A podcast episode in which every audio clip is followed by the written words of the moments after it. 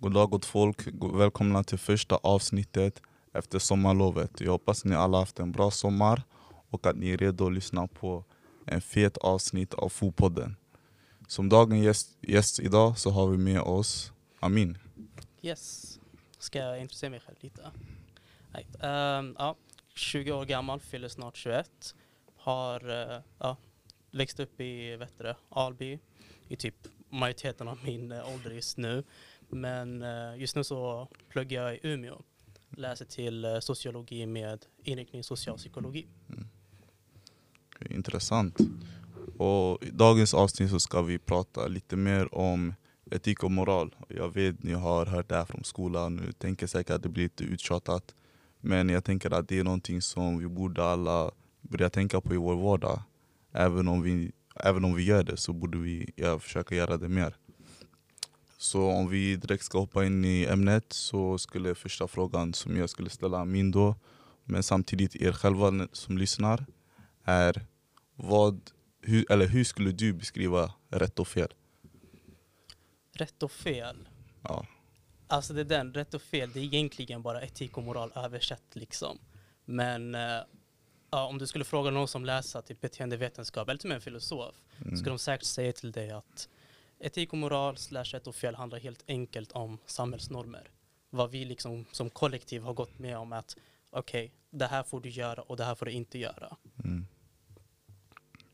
Okay, men hur tänker du, eller vad skulle du kunna beskriva som rätt och fel?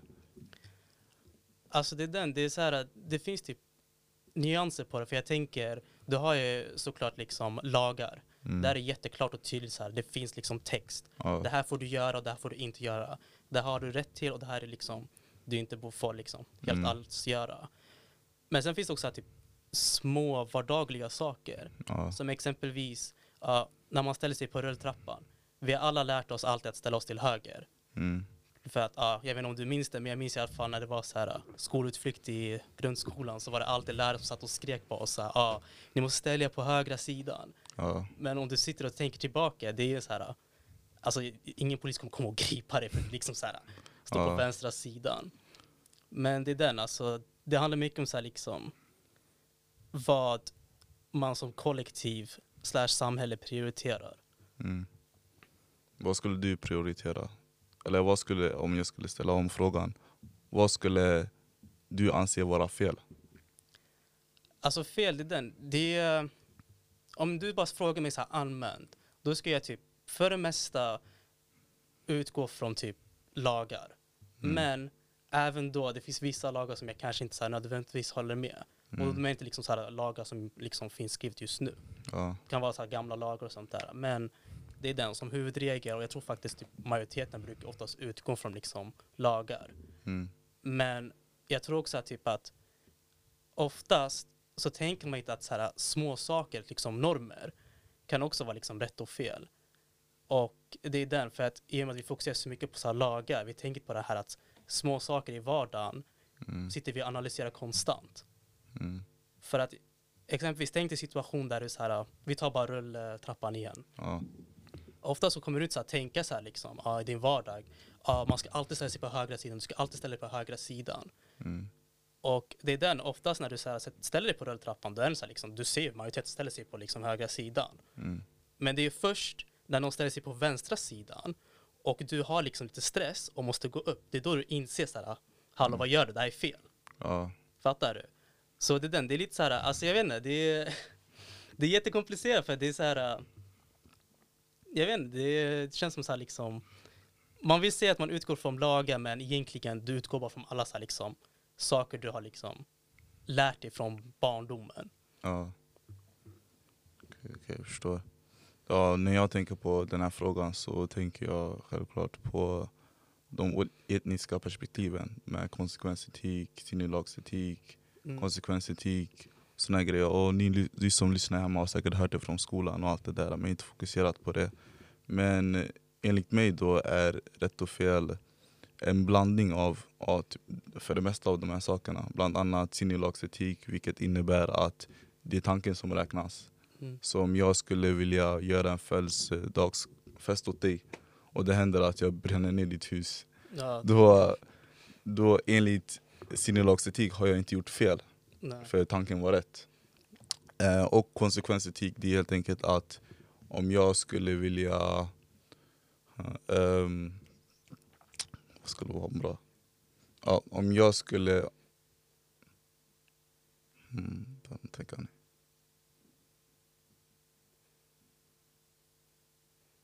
Ja, ja, konsekvensetik det är helt enkelt konsekvenserna av en handling. Mm. Så det spelar ingen roll vad, mitt, vad min tanke är. Om det leder till en bra resultat, då är det inte fel. Då är det snarare rätt. Ja. Men det, det här problemet kommer också, om jag vill skada dig sen det händer att jag hjälper dig, har jag gjort rätt? Om jag skadar någon annan för att hjälpa någon annan, har jag gjort rätt då? Det är där problemet med konsekvensetik kommer. Och sinnelagsetik, problemet där också är att bara för att du tänker någonting bra, behöver inte betyda att du kan göra vad som helst.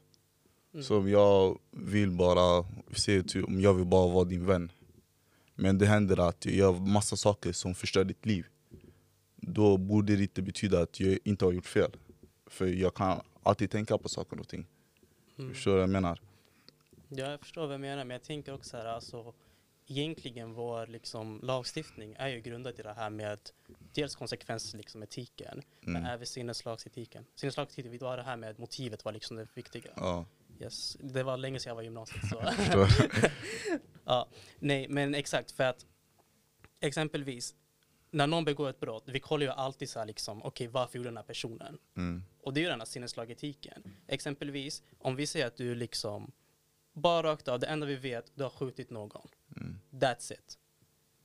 Obviously konsekvensetiken säger att du har gjort fel. Du har ju liksom ja, sårat någon.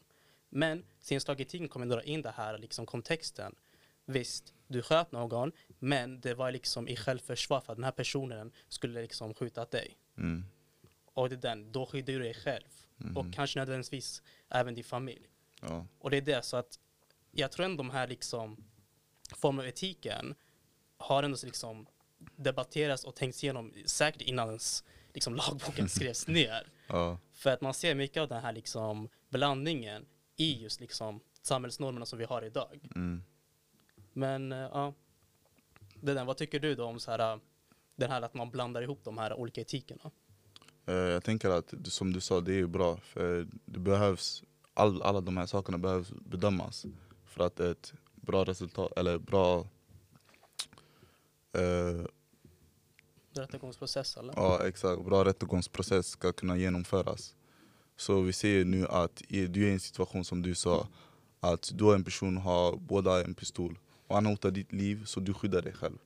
I just den situationen så väljer du att skjuta han, vilket resulterar i att han typ dör. Som sak konsekvensetik säger att du har gjort fel, men sinnelagsetik säger inte att du har gjort fel för att du gjorde det för att rädda ditt liv. Mm. Men jag tänker så här, om jag ger ett exempel då. Vi säger det finns ett barn. Mm. Liksom det här barnet är jättefattig, ingen förälder och har ett syskon. Mm. Okej. Barnet känner sig jättehungrig, Ja. håller på och svälter. Vad gör barnet? Jo, barnet tar och äh, vet det, stjäl bröd från någon sån här marknad. Mhm. Vad tycker du att man ska prioritera? Jag gillar att du tog upp det där, jag har också tänkt på det där. Är det rätt att tjuva ifall det är för en bra anledning? Mm. Men i sådana där saker så tänker jag att barnet gör det för att överleva. Så det blir inte helt fel.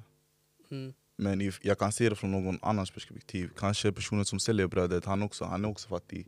Och det enda sättet för han att kunna göra pengar så han kan försörja sin familj är att sälja bröd. Mm. Då från hans perspektiv så är jag det som att barnet har gjort fel. Men egentligen är det inte så. Ja. Så det finns alltid två sidor på kronan, som man alltid säger. Ja, men jag tänker så här. Om vi bara bortser nu att det finns liksom, ja, en åldersgräns på när du kan liksom straffas för brott. Mm. Och eh, vi ser att den här situationen skulle ske. Ja. Stor sannolikhet, barnet skulle fortfarande liksom, ja, dömas för brott. Det låter jätteskumt när man ser det Ja, jättehögt. faktiskt. Men du förstår vad jag menar. ja, jag förstår vad du menar. Och det är den, för visst, okej vi säger det är ett barn, barnet svälter, den behöver äta, fine. Mm. Vad säger vi då om det är en 18-åring? Mm. Om det är en 20-åring, alltså förstå, om det är någon som vi liksom ändå är, som vi anser att okej, de har ändå konsekvenstänk Ja. gentemot barnet. Mm. tycker du att det fortfarande är rätt eller fel? Som sagt, ifall det är för att överleva eller någonting annat som du verkligen behöver så ser jag det inte som fel. Men jag säger inte att det är rätt heller. Mm. Det är lite sådär mitt emellan. Det är inte fel men det är inte rätt heller. Ja, Så det är så jag ser på det. det är därför jag tycker den här liksom så här, vad ska man säga, typ tankeställning eller så här, ja, situationen att tänka på. Ja, Många brukar ofta säga så här liksom att ah, men personer håller på att svälta eller barn håller på att svälta. Men ja. om man kollar i liksom hur det ser ut i samhället. Mm, Om du så här, liksom skulle gå in till en butik nu och typ vi säger så här, stjäla någonting. mm, Stor chans, de skulle inte riktigt bry sig om att du håller på så här liksom svälter och ja, kanske till och med hemlös. ja, Förstår du vad jag menar? Ja, För det är så här att vi älskar väldigt mycket att säga så här, ja men visst, motivet spelar roll och det, vi vill ha den här stora auran att, ah, nej jag tror på att, ah, jag vill tro på att den här personen ändå så här liksom hade en gott sinne till det. ja, Men i verkligheten, om vi skulle läsa det på nyheterna, vi skulle sagt, sagt bara, ja, nej personen förtjänar liksom, de stal ju liksom mat. ja, Så det är det. jag tycker det är jätteintressant för att oftast när det kommer till sådana liksom, diskussioner om etik och moral, mm, vi är jätte så här, liksom, motsägelsefulla. ja, För det finns ju det här liksom, du har säkert äh, läst det här och säkert också lättare lyssnarna har hört om det här dilemmat om att det finns ett tåg mm, som kommer och i Ja. det spåret så finns det typ tre personer mm, och det finns ett annat spår där det finns en person ja, och det finns en knapp som du kan trycka på för att liksom byta vilken riktning tåget åker. mm, Skulle du klicka på knappen och du vet, många skulle liksom säga så här, ah, jag skulle gjort det och inte så vidare. Men jag kollade faktiskt på en jätteintressant klipp på vet du, Youtube. mm, Vad heter det? Jag tror det var Visas. ja, Och eh, Håkan Nord, den här snubben har en utbildning i psykologi. så uh, vet du, han har någon så här liksom speciell program som han har blivit så här, ja, sponsrad av Youtube att göra. Där han har så här, ja, men gör lite så här psykologiska forskningar och sånt där. mm, Och där så liksom, de gjorde den här testet. Där de alltså basically fejkade en scenario. mm, Där eh, vet du, det, men de spelade in så här byggare, quote unquote byggare. Och eh, de som liksom deltog i den här studien fick sitta då liksom bakom en skärm. Och Mm. skulle bara liksom kolla på de här två kamerorna. Och eh, de här kamerorna spelade upp då här scenariot att ah, ett tåg kommer, här är knappen. Du får liksom klicka på den så byter den liksom riktning. mm, Och eh, innan de liksom, personerna liksom eh, fick vara i den här rummet så frågade de liksom, ah, skulle du klicka på den här knappen? ja, Många sa så här ändå att ah, jag skulle gjort det. mm, Men sen när de ändå så här liksom, eh, ja, la in dem i den här situationen mm, så var det många som inte liksom vågade klicka. Förstår? För de hade en sån liksom panik för de var liksom så här i en liksom chocktillstånd för de visste inte vad de skulle göra. mm, Och jag tyckte det var jätteintressant för att en av de som liksom eh, sa att han skulle liksom, och jag skulle klicka på knappen lätt. mm, Han klarade inte av det för att han började tänka på så här, ja men av de här personerna, vilka ska jag offra? Alltså förstår du? Han började liksom Ja. få det här dilemmat. Och i den, alltså, nu vill jag inte säga ah, vi ska condone att man ska börja liksom sätta in filosofiska exempel in real life. ja, Men jag tycker det bara visar så här att det är en femma att sitta och diskutera. mm. Men det skulle vara jätteintressant att se de här diskussionerna om de skulle verkligen stämma fortfarande utifrån liksom diskussionsrummet. mm. Eller vad tycker du? Jag håller med dig. Jag har ställt den här frågan till ja, några av mina kompisar då. Men då tog jag det ett snitt högre. Så jag sa att personen som är själv då, det är någon du känner. Mm. Förstår du? Så du har någon du känner och tre random personer. Vem väljer du? Är personen du känner, är personens liv mer värt än de andra tre? Eller, ja, är, eller är det inte så? Så vem väljer du då? Och då folk blir sådär, mm, sen det händer att de inte ens svarar på hela grejen och Mm. byter ämne eller de ställer frågan tillbaka till mig. Det, där, för det är ändå intressant tänker jag för att låt säga det här skulle hända. Mm, Obviously om du så här offrar din, liksom, den du bryr dig om, du kommer vara jättetraumatiserad efter det. ja, Och eh, liksom, ja, bara kommer behöva ren av terapi för det. mm, Men om du skulle rädda den här personen, de kan ju också le, så här, lida av typ, vet du, det, survival guilt. mm, Att de basically så här, känner skam att de överlevde men inte de här andra. ja, Förstår du? Så egentligen varken eller den här situationen alltså, den är lite tjafsig för Ja. varken eller du kommer traumatisera någon. Eller hur? Det, det, det, det är det svåra med det här dilemmat. Om jag skulle göra om den och fråga den annan då, det här jag såg på någon eh, Youtube-klipp för ett tag sedan. Det var att det är fem personer som behöver en operation. Mm. Okej, det är olika saker, de håller på där och den här operationen kan rädda deras liv. Okej, så eh, det visar sig att det finns en kille, han har ingen nära kontakt med hans familj, han bor ensam i en liten lägenhet. Han har inget jobb, han har inga vänner, han sitter bara hemma på sin vardag och kollar på TV och äter, käkar pizza. Så nu frågan är att skulle du kunna ta han, eller han har alla saker som du behöver för att rädda Ja. de här fem personerna. Så skulle du ta hans liv, för om du tar allt du behöver då han kommer dö. Så skulle du ta hans liv för att rädda de här fem personerna, eller hur, vad skulle du göra? Om jag ställer den här frågan till dig då. Ja, det är nu jag börjar komma tillbaka till det här etik och moral och de här konsekvensetik och allt de här. Mm. För rent av, jag ska vara ärlig, jag skulle inte veta vad jag skulle göra. För det är den, den här Ja. personen liksom, visst, vi skulle tolka det, och det är den normen nu igen. Vi skulle tolka det som att ah, han inte är typ quote unquote, värdig i Mm. samhället. För han liksom, ah, bidrar inte så mycket till, liksom, ja, men bara allmänt bidrar inte så mycket till samhället. För han sitter bara hemma, Mm. käkar pizza och liksom är lat. Och ja, som alla vet, vi får direkt en bild på den här personen. Och den här bilden är inte oftast en trevlig person. Ja. I och med att det finns stereotyper som utgår från normer. Mm. Men det är den, alltså jag tänker för att om man ska gå ut från konsekvensetik, då skulle man ju ändå gjort det för att du vet, du räddar ju ändå liksom fem personer Mm. som håller på liksom dör. Men, eh, eller nej, jag menar att sinnesetik, då är det ditt motiv att du vill rädda de här personerna. Ja. Men konsekvensetiken kommer ju säga, vad fan gör du? Alltså du dödar liksom en person för de här. Mm. Han har ingen relation till dem, de har ingen relation till honom. Ja. Och det är den. Men då kommer vi ytterligare in till en annan liksom, filosofisk inriktning som eh, kallas för utilit utilitarianism. Jag kan inte uttala det. Uti, uti, ut, jag hade det i skolan. ja, Utilitrar, okej skit fortsätt bara. ja. Och eh, det där ordet, Ja. Vi utilitarianism. kallar det så, det här ordet. Ja. Det säger ju helt enkelt att den filosofin går ut på att du ska maximera vet du, glädjen tror jag. Mm. Ja, Eller nytta. Ja. Och den skulle säga, ja men nej, kapa honom. Donera organen. För där är mycket så här liksom att du vill ändå att maximera så mycket glädje som helst i världen. Mm. Och om du så här kan offra liksom en person för att rädda, vad var det, fem styckna. Mm. Alltså det är liksom basic economics. Ja. Du vinner ju liksom fem liv. Mm. Eller fyra liv, för du förlorar ett liv då. Men du fattar, så jag vet inte, den här frågan är jätte, det är intressant för att där måste man ändå så liksom gå in lite så här specificera sig för att du kan inte mixa en match. Ja. För den här frågan, den säger verkligen du kan inte mixa en match. Du måste välja en specifik grej. Mhm. Och jag skulle vara väldigt så här, intresserad av att se om sådana situationer sker Ja. då och då i typ så här sjukhus. Mm. För jag kan tänka mig, där brukar de ändå så här, kanske ha så här, liksom, dilemman så här, att ah, den här personen Ja. har de organ som vi behöver. Det. De kan inte tvinga personen liksom så här. Jag förstår. Uh, donera din njure till den här random personen. Alltså fattar du? De kan inte Ja. göra sånt. Så det är den. Där tänker jag också så här, liksom. Det skulle vara intressant att se hur de som har varit i sådana situationer Mm. där de behövde välja en specifik. Vad kan de, alltså vad motiverar dem? För jag tänker visst, vi har ändå så här i vår vardag behövt så här säga typ, ah, shit, ska jag tänka på konsekvenserna eller ska jag säga liksom det som jag, ja, jag Mm. gjorde det för att jag minglar bra.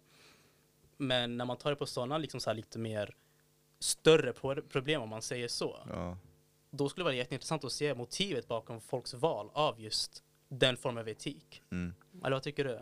Alltså jag tänker ifall, ja som du sa det är basically basic math. Basics, jag kan inte ens prata.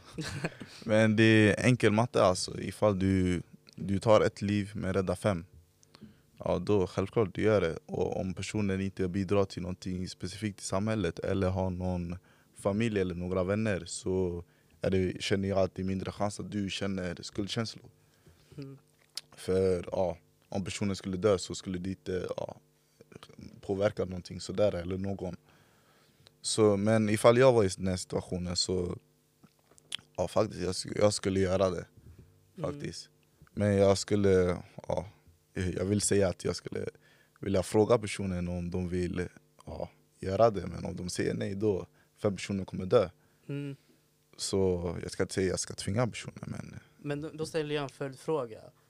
Vad skulle du gjort om du var den personen som kunde donera bort dina organ för att rädda de här? rädda de här fem. Ja. Om du var den som liksom hade alla matchande så här, liksom, välfungerande organ som kunde hjälpa de här personerna. Och jag skulle dö efter ifall jag gjorde det. Bro, jag vet inte om du kan leva utan lunga men Men eh, om jag var den här personen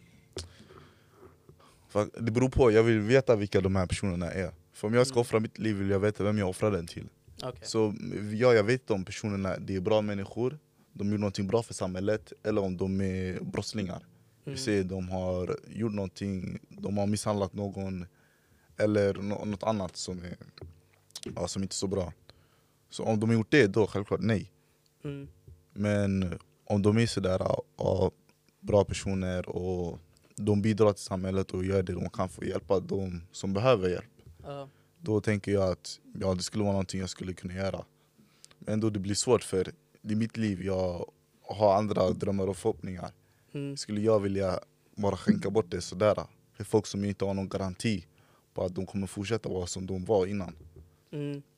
Men jag tänker också så här, då utgår det jättemycket utifrån samhällsnormer som liksom bestämmer vems liv är mer värt. mm, För om du verkligen tar en step back Mm, och analyserar liksom det från liksom inga samhällsnormer, fortfarande, det är fem liv.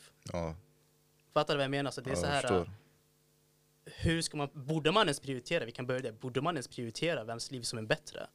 För om vi gör det, Mm, då kommer vi att få ytterligare konsekvenser. Och det är helt enkelt så här att ja, samhällsnormen kommer att dedikera vems liv är mer värd och inte liksom, ja, mindre Ja. värd.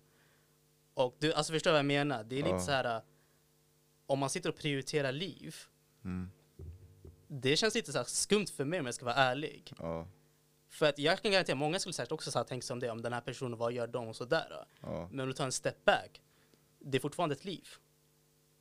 Förstår du vad jag menar? mm, Varken eller. Alltså alla de här liksom, etiken kommer fortfarande säga att det är ett liv. ja, Visst, i en slagen tid skulle kanske så här, liksom, gottgöra säga ja, men, ja, du tänkte på det här och samhällsfunktion och allt det där. mm, Men fortfarande, om du skulle fråga typ en, ja, men, ja, om en alien skulle komma till det här och sen bara fråga dig varför gjorde du så här? ja, Då kommer säkert bara säga men det är fortfarande ett liv.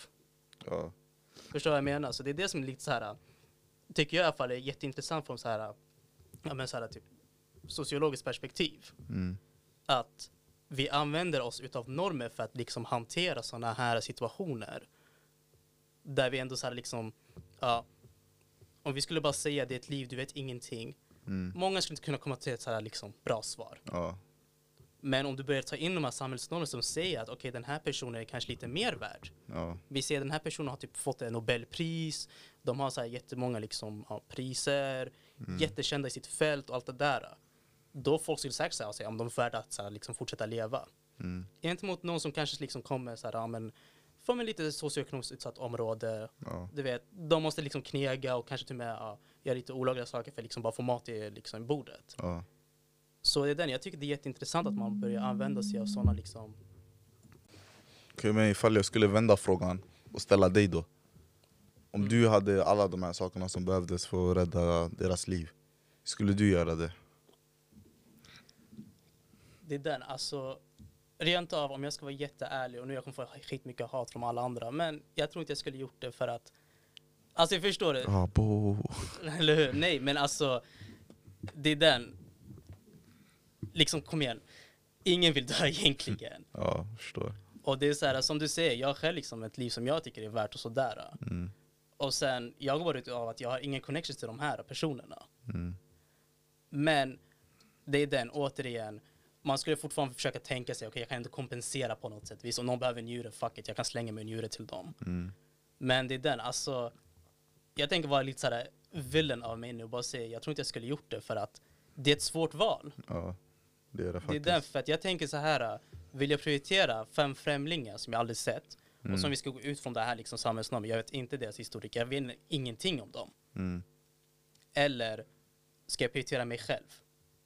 Och det är mm, den, jag tror ändå så här, visst många kommer så här säga nej jag kommer aldrig göra det, men tyvärr, vi människor är lite egoistiska. ja, Vi kommer fortfarande prioritera oss själva. mm, För den, varje gång du gör någonting så här, som du så här försöker skydda dig själv, du är egoist, du försöker bara skydda dig själv, fattar du? mm, Du försöker alltid förklara dig själv och bort liksom, ja nej men jag skulle göra så här istället, alltså fattar du? ja, slutändan du kommer bara prioritera dig själv.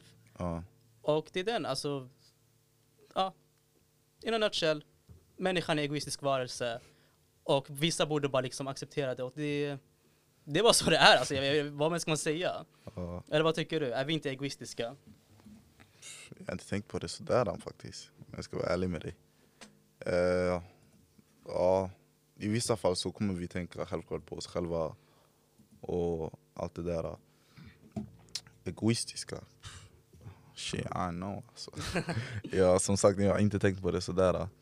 Men ja, inte få, ja, ja, inte få dröja på det så tänker jag att vi hoppar till nästa fråga. Okej, och vilket är då är att är det rätt att straffa någon som har gjort fel? Eh, även om personen var omedvetet om det.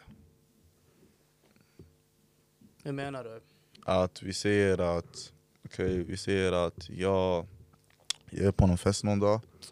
Så jag dricker, jag dricker, jag dricker, jag är helt full, jag vet inte vad jag är. Jag är helt, jag, jag gör bara vad som helst. Sen det händer att jag slår någon. Eller jag, det händer att jag slår en tjej. Mm. Jag är helt för jag förstår inte vad jag gör. Jag, jag ser syner i det. Så jag bara slår någon, en tjej. Sen hon får blåmärke och allt det där. Sen efter när jag ja, mår bättre då förstår vad jag gör och kan tänka ordentligt. Mm. Då inser jag att jag har ja, gjort någonting fel. Jag har slagit någon som inte gjort någonting mot mig. Borde jag då bli straffad för det? Eller kan man se det, eller kan man se det som att ja, han var full? Eller det har säkert hänt. Du du känner själv säkert till det där. Ja, jag menar inte det, jag var full. Jag gjorde bara någonting, förstår du? Ja. Klassisk ursäkt. Ja. Men det där skulle vara typ ett exempel på frågan. Mm, Borde jag så då här, bli straffad för det?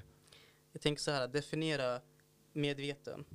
Medveten. Vad skulle du definiera som medveten och omedveten? Medveten det är att jag kan tänka konsekvensetiskt. Alltså jag kan tänka på att det jag gör nu kan påverka eh, mig på ett annat sätt lite senare. Att jag kan tänka sådär, för vi alla gör ett val någon dag. Så att du är medveten är att du vet vad för val du gör. Mm. Det är så jag skulle definiera. Och omedvetet, det är mer att du istället för att tänka att det här kommer hända, även om det är litet, Mm. du gör inte det allt. Du bara gör det du känner för, det du tror är rätt. Eller det du känner dig bekvämst med, eller mest bekväm med. Mm, för alltså då tänker jag mer så här lite mer psykologiskt. Och jag skulle säga att man borde inte... Alltså för det är den, alltså om man kollar liksom hur det är idag. Mm. Om du som liksom har begått ett brott, Mm.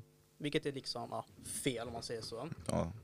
Och det visar sig att ja, domstolen slash lagen tolkar dig som omedveten i den handlingen. Mhm. De kommer säga nej, du kan inte straffas. Ja. Och jag tycker ändå, jag håller med dig för att det finns många som ändå så liksom, som du var inne på det här med konsekvens. Mm. Många, eller inte många, men vissa har ändå så liksom i en konsekvenstänkande. Vissa Ja. vet inte ens liksom vad moral är. Då tänker jag folk som är liksom, men hög, alltså högspektrat i liksom, ja, autismspektra. Mm. Och det är den, alltså om man ändå är liksom, ja, icke-funktionell autist, Ja. du förstår inte riktigt så här. Nu generaliserar jag som fan så, så alla vet, ni lyssnare. Ja. Jag bara generaliserar nu för diskussionens liksom ska hålla på för att flyta. Men det är den alltså, om du inte riktigt så här förstår moral och konsekvenser och sånt där lika bra som jag och du skulle göra, Ja. då kan vi inte riktigt straffa dig. För du vet inte riktigt vad du har gjort. Mm. Alltså förstår jag vad jag menar? Ja, jag för det är så här, om du inte redan vet liksom moral Mm. och konsekvenser, Ja. hur ska du då straffas? Ja. När det verkligen, alltså du kommer aldrig kunna lära dig och så vidare. Mm. Men sen tänker jag också så här att man har ju också liksom, inte undanfall, men om någon skulle liksom hamna i en psykos. Ja. Och eh, lite snabb information för lyssnare, psykos är helt enkelt att i psykologin, Sigmund Freud hade en teori att ditt, liksom, din mind, om man säger så, din hjärna är bestående av tre delar. Mm. Superego, ego, och nu minns inte det sista, men det handlar helt enkelt att, äh, vet det, ja, id heter det på engelska tror jag. Ja. Och eh, ego är i princip liksom quote unquote du. Superego är de här samhällsnormerna som liksom ja, men, trycker ner på liksom egot och eh, vet du det. Jag tror jag blandat ihop begreppen, men det finns tre saker. Ja. Det är den. Ja, det var länge sedan jag läste det här. Men eh, den tredje handlar helt enkelt om det här liksom primitiva om man säger så. Det här liksom att du ska bara göra. Mm. Det här liksom, ingen konsekvenstänk, ingen så här liksom samhällstänk. Ja. Och då ska du liksom kunna balansera med de här, okej, samhällsnormen säger att jag ska göra det här. Mm. Men det primitiva säger att jag ska göra det här. Vad ska jag prioritera? Hur kan jag balansera det? Ja. Det är liksom jätte, in a nutshell, hans teori om det. Ja.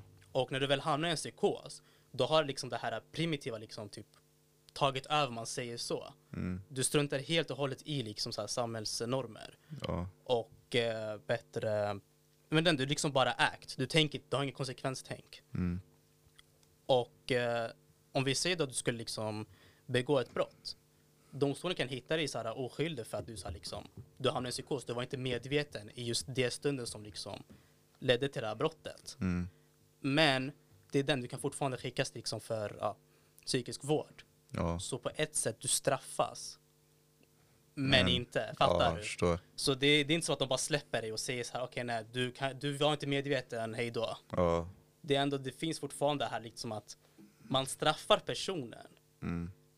Men är det verkligen ett straff man sitter och hjälper dem? Ja, eller hur? Och det är det, jag tycker det är ändå bra att man hjälper dem för det är det här, de, är ju, de vet vad de gör. Ja. De är inte medvetna, de är inte liksom så här som jag och du sitter och medvetna att vi sitter här i det här rummet. Mm. Förstår jag? Visst jag Ja. hypar upp det, de är säkert medvetna att det finns rum, men du förstår vad jag menar. Ja, jag liksom, förstår vad du menar. de har inte samma liksom konsekvenstänkande som jag och du skulle ha. Men kommer sådana där personer släppas ut i samhället igen? Ifall då visar sig att de ja, har byggt upp den här förmågan att kunna tänka mer konsekvensetiskt. Jag ska vara ärlig, jag vet inte exakt hur det ser ut i Sverige, men eh, om vi vänder på frågan. Skulle det vara rätt att släppa ut dem när vi tolkar att de är ändå så här friska igen? Mm. Vad tycker du? Vad tycker du? Okej. Den, alltså jag vet inte för det är så här. äh, Jag tror att jag skulle ändå så här liksom. För jag tänker, vad ska de göra om de fortfarande är där? Mm. De är ändå friskförklarade. Det är den, vad ska de göra? Mm. För de kan inte hjälpa dem, alltså vården kan inte hjälpa dem. Ja. Så du kan lika väl bara liksom släppa ut dem. Mm. Men det är den, och sen om det skulle he, alltså ske igen, då blir det en diskussion om att, ja men var de verkligen friska? Eller var de medvetna om sin handling? Mm. Så det är den, jag tror ändå så här, man borde ändå släppa dem för att det är den, alltså de som ändå jobbar med dem, de är sakkunniga, de kan ju det så här liksom. Ja. Analysera, man har en liksom, psykolog som sitter liksom, Ja. diskutera och analysera om de är friska nog eller inte. Mm. Men ja, vad skulle du? Men när jag tänker på den här frågan så börjar jag tänka mer som en konsekvensetiker.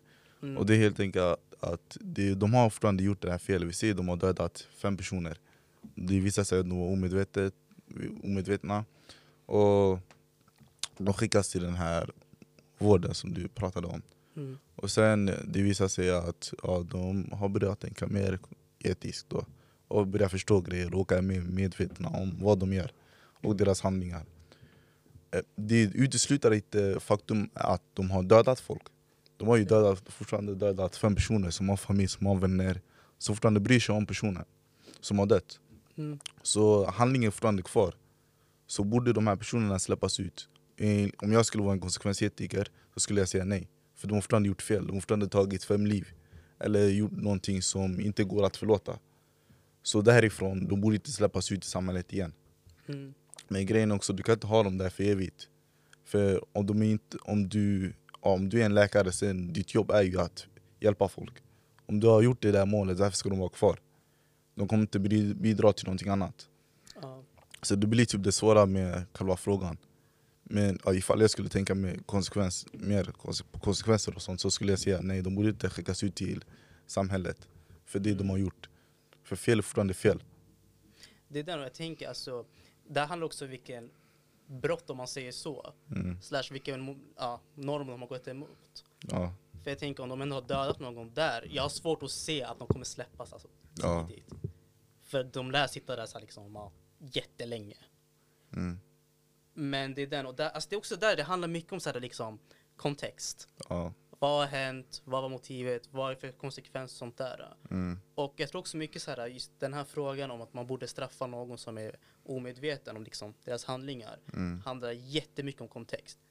För att det är den, den här frågan tillåter inte dig så här liksom bara så här, säga rakt ut så här, ah, som om vi skulle diskutera om en person som är medveten. Förstår Ja. du? Det här behöver mycket kontext i och med att situationen kräver olika liksom, former av diskussioner. Ja, För om vi säger att ah, någon har liksom så här, bara typ, jag vet inte, slagit någon eller så här, liksom hotat någon. mm, Då är stor chans att skulle säga, säga men släpp ut honom liksom, eller henne efter de är friska. ja, Men den när det kommer till mord, där är det så här, liksom att det finns säkert mycket arbete som måste göras. ja, Och då kan man ändå säga liksom, den, vissa brukar ändå klassas liksom så här, som ah, fara för samhället. Och då Mm. sitter de ändå där, alltså livet ut nästan. ja, Men den, alltså jag vet inte, sådana där frågor handlar mycket bara så att man måste, man måste kolla på kontexten.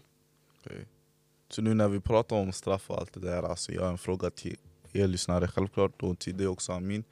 Dödsstraff, tycker du att det är bra eller inte? Vad säger du? Det är den, alltså den här svår, frågan är svår. tycker jag. För att jag tänker Ja. ändå så här liksom, om utifrån så här samhällsperspektiv. Mm, För att okej visst, om vi tar så här grova brott som typ exempelvis, uh, vet du det, Ja, med mord och våldtäkt. mm, Då fine. Men jag tänker samtidigt att det finns ju den här risken att Tänk om man hänger eller dödar någon som visar sig vara oskyldig. ja, Och hur kan vi garantera att oskyldiga inte liksom får det här straffet? För mm, då måste vi komma in i det här liksom, exempelvis rasism. Om vi Mm. kollar i USAs historia, många har fått dödsstraff helt enkelt bara för att de har liksom, ja, blivit target för att de är liksom mörkhyade och så vidare. mm, Så i den, alltså jag vet inte, jag skulle vilja säga att den, jag vill säga både och, fattar du? För det är så här, Ja, man kan inte en ta en svår sida. Det är jättesvårt för att visst, många skulle så här, äh, säga ja ah, det är lätt, vadå? Det, det, man tänker alltid på de här grova brotten, mord, Ja. våldtäkt. Det är lätt, liksom dödsstraff, de förtjänar det. mm, Men det är den, man måste ändå ta den här liksom diskussionen lite längre. Vad signalerar det här egentligen? ja, Att staten dödar sina medborgare. ja, Vad signalerar det? Det finns mycket diskussioner om det. Är det rätt att en stat kommer att döda sina medborgare? mm, Du som ändå sa det, ja, innan du begått ett brott har ändå betalat skatt och bidragit så här till samhället och så vidare. mm, Och sen även att kan man garantera att den som inte får det här dödsstraffet mm, kommer liksom vara skyldig. ja, Men sen även processen till att den här personen liksom väl ja, kommer liksom dödas. mm, För jag tänker på, nu vet jag inte om de har det fortfarande, men Japan är lite känd i det att där får du inte veta när du dör. Du får Oj. inte veta datumet. aha, Så vad händer är att du kan sitta där och noja i verkligen typ flera månader. ja. Det fuckar på en alltså. Exakt. Och de kan bara komma helt randomly och bara säga idag är dagen du ska dö. Och så tar de dig där. Ja, Förstår? För i alla fall i USA, du får ändå så här liksom ett datum. mm, Och där alltså, visst, man kommer fortfarande vara jätterädd och allt det där, men du har ändå sån liksom tid att så här liksom smälta av det, planera lite så här, okej vad vill jag göra som sista grej? Du har mer till den här liksom meal, du får välja liksom vad du vill käka och sådär.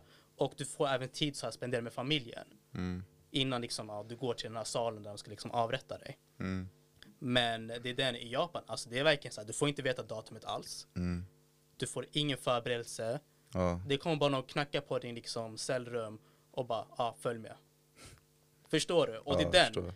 Då kommer det också så här, ska man sitta och tortera någon psykiskt när de ska få sitt dödsstraff? Mm, Eller inte? Vad tycker du? Är det rätt att man sitter och torterar någon psykiskt och inte ser datumet när de ska få sitt dödsstraff? Eller att man ska ändå så här, ta den att du, du ser datumet ger dem lite så här typ, hur ska man säga, lite så här typ lättare väg om man Ja. säger så på att smälta av det här liksom. Jag är lite grov med såna här saker. Men ifall det visar sig att personen är skyldig och har begått någonting grovt som ja, misshandel eller mord eller som du sa våldtäkt eller något sånt. Så helt ärligt, ja. För det du har gjort, det, du förtjänar ingen nåd efter det där. För enligt mig då har du tappat din mänsklighet. Alltså det där, du, du har gjort det värsta grejen du kan göra mot en annan människa. Varför ska du förtjäna att leva? Varför ska jag ge dig nåd? Efter det du har gjort. Och- Det spelar ingen roll om du är människa eller inte. Du har, det du har gjort har, ja, som jag sa innan, har tagit bort din mänsklighet från mig. Eller hur jag ser på saker och ting. I alla fall så, ja. Ja, jag skulle säga ja. Ifall personen är skyldig och det finns solid bevis på det. Då jag skulle inte bry mig ifall du vet om det eller inte men ifall du inte vet om det och det fuckar på dig psykiskt Då, ja, ajde. Visst, varför inte? Mm. Eller det är så jag ser på det. Kanske ni som lyssnar ni tänker är den här killen är lite galen eller något sånt. Men det är i alla fall det så jag ser på saker och ting. Okej, men jag tänker, för du sa det här att enligt dig så har man tappat sin mänsklighet Mm. om man har dödat någon. Stämmer det? Har jag tolkat det rätt eller? Beror på din anledning. Okej. Om vi säger så här, om vi bara liksom spinner om den där tanken. Mm. Du förtjänar dödsstraff för du har förrått din mänsklighet. Mm. Okej. Vi säger att du har dödat någon och i den straffskalan kan du få dödsstraff. Mhm. Vad är skillnaden mellan det och att en soldat skjuter en civilare? Jag visste något sånt skulle komma. Jag förstår. Vi pratade ju den här gången om, vet du, om hur vet du, sam, eller system, eller systemet säger jag, hur en eh, regering Mm. kan påverka sina soldater och säga att oh, de är inte människor, massa propaganda och här saker. Ja. Så att de tappar sin mänsklighet. Och som sagt, och det jag skulle säga på det är att helt enkelt att det du har gjort. För en civilare har inte gjort någonting fel. Mm. Enligt vad du vet i alla fall. Men när det kommer till en brottsling, då har personen gjort någonting fel. Och som jag sa, det finns bevis, solid bevis på att personen har gjort det som har sagts om han. Eller hen. Får jag bara fråga dig, för jag hänger inte riktigt med. Vad är skillnaden med att en soldat dödar en civare som inte ens deltar i kriget och Ja. kanske skulle bara gå och köpa mjölk Ja. gentemot en brottsling som ändå har ett motiv och man vet ändå varför den här personen liksom har dödat. Aha, okej okej. För Så, om du tänker, om du verkligen sitter och analyserar liksom lite så här, ja, out of the box view, ja, det är egentligen nästan samma sak. ja, faktiskt. En soldat ute i ett fält. Sköt någon civilare som inte ens har gjort någonting mot den här personen. Ja. Visst, man kan dra in så här äh, att ah, men det är krig och sådär. Mm. Men fortfarande, krig handlar mycket om så här stat mot stat, soldat mot soldat. Ja. Man har ju till och med så här liksom, äh, vad heter det, Geneva Convention tror jag den heter, eller något sånt där. Men det finns så här liksom Mm. krigslagar och jag tittade, det finns om ni inte visste det. där vet du, man helt enkelt får inte så här skjuta mot civilare för att det är den, de deltar inte i det här kriget. Ja. Så är det, vad är skillnaden med att en soldat skjuter en civilare gentemot en mördare som bara dödar någon så här? Okej, men då jag förstår. Men då ja, soldaten har gjort samma fel egentligen som mördaren då. För den har dödat någon som inte har ja, någonting med kriget att göra som du sa. Mm. Och inte har gjort någonting ja, dåligt mot en själv som är helt oskyldig. Då är det ingen, egentligen skillnad mellan den soldaten och en mördare. Mm. För i slutet av dagen, fel, jag, jag gör den här grejen med Quote fingrarna. Och quote on quote, fel är fel. Mm. Nej, ja men fel kan, ja, vi ska inte gå in på det. Men de har fortfarande gjort fel. Mm, men jag tänker så här, om jag ställer den här frågan. Som jag tolkar det, du håller med, det är basically samma liksom. Ja, exakt. Okej. Borde soldaten när liksom han eller hon kommer hem få Mm. dödsstraff? Det var svårt faktiskt. För tänker så här, egentligen det är samma sak. Mm. Du har tagit ett annat liv. Ja, för ingen Och anledning alls. Exakt, ingen anledning alls. Ja. Och om du ger dödsstraff till dina medborgare, Mm. varför inte, borde inte soldaten också få det? För den är också medborgare. Mm. Jag skulle säga ja. Mm. Visst, ifall det händer att det är så, då ja. För i slutet av dagen, du var akt eller du kunde tänka och du tog ett val och att Mm. den här oskyldiga personen. Så varför ska du få special treatment? Och då kan man själv börja säga ja men jag, jag var med i det här kriget för det här landet, jag har gjort det här för landet. Jag tror det är det som gör det svårt. För en soldat som har gått ut på krig har offrat sitt liv för ett land Mm. och för medborgarna som bor i landet. Och med, jämfört med en mördare som ja, bara bor i ett ställe och bara dödar för nöjes skull. Så jag tror det är det som gör det svårt för vad soldaterna har gjort för landet. Mm. Men, tänker- enligt mig så skulle soldater få, borde få samma straff som mördaren. Ja, och det är den, för du sitter och ger kontext på soldaten, men om vi ger kontext till den här medborgaren. Mm. Tänk om medborgaren har varit liksom så här, vi ser en typ i en jätte, jätte, jätte toxic relation. Ja, Blivit så här liksom, ja men bara typ misshandlad, slagen, alltså fattar du hela det Ja. liksom paketet. Och sen bara, nej nu har jag fått nog. Och dödar Mm. sin liksom partner. Som har misshandlat. Och, Som har liksom gjort allt det här mot personen. ja. Sådana där, såna saker så ser jag inte det som att du har quote unquote, gjort fel. Mm. För faktiskt, du gjorde någonting för att hjälpa dig själv.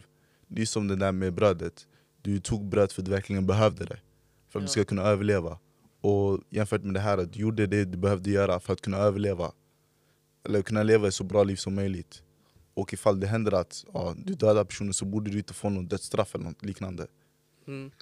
Men också, det blir problemet med det också är att vi säger att jag kan döda någon och sen hitta på någon ursäkt. Mm. Så vad, vad händer med mig då? Men jag tänker så här då, om vi säger då att det du säger stämmer, det har blivit så här allt det där. Mm. Fortfarande, du har dödsstraff på straffskalan. Vadå? Du har fortfarande dödsstraff på straff, så vet det, straffskalan. Ja, Så vi säger även om du skulle liksom så här äh, argumentera för din sak och de säger nej, du ska fortfarande få dödsstraff. Är det rätt då? nej jag tycker inte att det är rätt. Förstår du problemet med Ja. dödsstraff? Det är jättesvårt. Vilka ursäkter accepterar vi och säger okej, men det här är en godbar ursäkt. Mm. För vi har ändå skrivit att om du dödar någon, Mm. du är inte längre människa, du har förlorat din mänsklighet. Mm. Därför bör du liksom avrättas. Mm. Så vilka argument köper vi? Hur kan du sitta och argumentera för att du fortfarande har din mänsklighet? Och sen även när vi kommer in till det här soldater. Ja. Hur ska vi förklara på att en soldat kan skjuta en så här civilare? Mm. Men att våra medborgare dödar en annan medborgare. Mm. Det är inte acceptabelt. Ja, för, jag vet inte om jag kan svara på det där, men det jag skulle kunna lägga till på det där är att man ska tänka mer sinnelagsetiskt. Mm. Då tänker jag att anledningen till varför du gjorde det. Om en mördare dödar någon för att ja, personen kände bara för det, då ja, du får straffet du förtjänar. Om du gjorde det för att du blev konstant misshandlad och blev nedtryckt på allt det där, då nej, det du förtjänar är inte det en mördare ska förtjäna. Om du är soldat som dödar någon civil person utan någon anledning alls, då nej. Du Mm. borde inte få, du få eller då ja, du borde få det du förtjänar. Om det händer att civilare försökte attackera dig, på något sätt då du skyddar dig själv och det händer att personen dog, så borde du inte få bli dödad men ändå så har du brutit mot den här krigsregeln. Mm. För man vet aldrig, kanske civilare vill skydda sig själv för, för, mot dig. För Ja. du, personen vet att du är en fiende i så fall. Så då det där, det där det blir svårt med soldaten. Men ändå så tänker jag att ifall det händer en sån, då blir det bara ett missförstånd som har lett till någonting dåligt. Mm. Om jag skulle vara en konsekvensetiker skulle jag säga att ah, du har gjort fel, du dödar personen till slut. Men en sinnelagsetiker skulle mer tänka ja, du, har inte, gjort- du har inte gjort rätt, du har inte gjort fel heller. Det ligger vid mitten. Du borde få någonting, men inte dödsstraff i alla fall. Mm. Förstår du vad jag menar? Ja. Så motivet för handlingen skulle jag säga man borde ja, fokusera på för att kunna ge dödsstraff. För Mm. det är svårt som du säger. Det är svårt för er, men jag tänker också att ifall du har rätt metod för att veta om någon är skyldig eller inte så det inte blir någon missförstånd att ah, den här personen visar sig vara oskyldig. Då det visar en stabil att ja, ey, det här kan hända om du bryter mot den här lagen. En seriös lag. En lag som är gjord för att göra samhället mer ja, peaceful i så fall. Mm. Men jag tänker, blir det mer peaceful att staten håller på att döda sina medborgare? Det är grejen också. Pe- Peaceful, fred det är en svår fråga att svara på. Mm. Men jag tänker också att det visar i alla fall att det finns en konsekvens för någonting. Så när det, du, du är medveten om att ja, det här kan hända mig om jag gör det här. Då du kommer tänka mer när du kommer till en sån situation där du behöver, ja, där du är utsatt för just den där handlingen. Så du kommer tänka mer och du kommer tänka mer och i alla fall att du utför den här handlingen. För jag tänker, du nämner det här med signalera och det är egentligen alltså när man tänker så här på straff, det egentligen det signalerar bara för alla som bor i det liksom landet. Ja, Vad tycker vi är rätt och fel? mm, Och den, om man skulle sätta upp så här dödsstraff ja, och vi ser liksom att du får dödsstraff för mord och alla de här grova sakerna. mm, Det är, jag kan ändå köpa att det blir ändå positiv sak för att då signalerar verkligen staten starkt. ja, Vi accepterar inte det här, alltså det är verkligen nolltolerans. exakt. Och det är en bra sak med liksom dödsstraff om det skulle införas. Mm, Men jag tänker också bara för att liksom så här spinna liksom lite vidare. Du nämnde det här med motivet, man kollar på kontexten och allt det där. ja. Men vad händer om de inte köper ditt motiv helt enkelt bara för att du råkar ha fel hudfärg? Är det fortfarande rätt att ha dödsstraff? Tyvärr gott folk så kommer vi inte kunna fortsätta Men jag hoppas ni tyckte om det här avsnittet och vill helst ha mer av det Ja, ni får ha en trevlig dag och peace out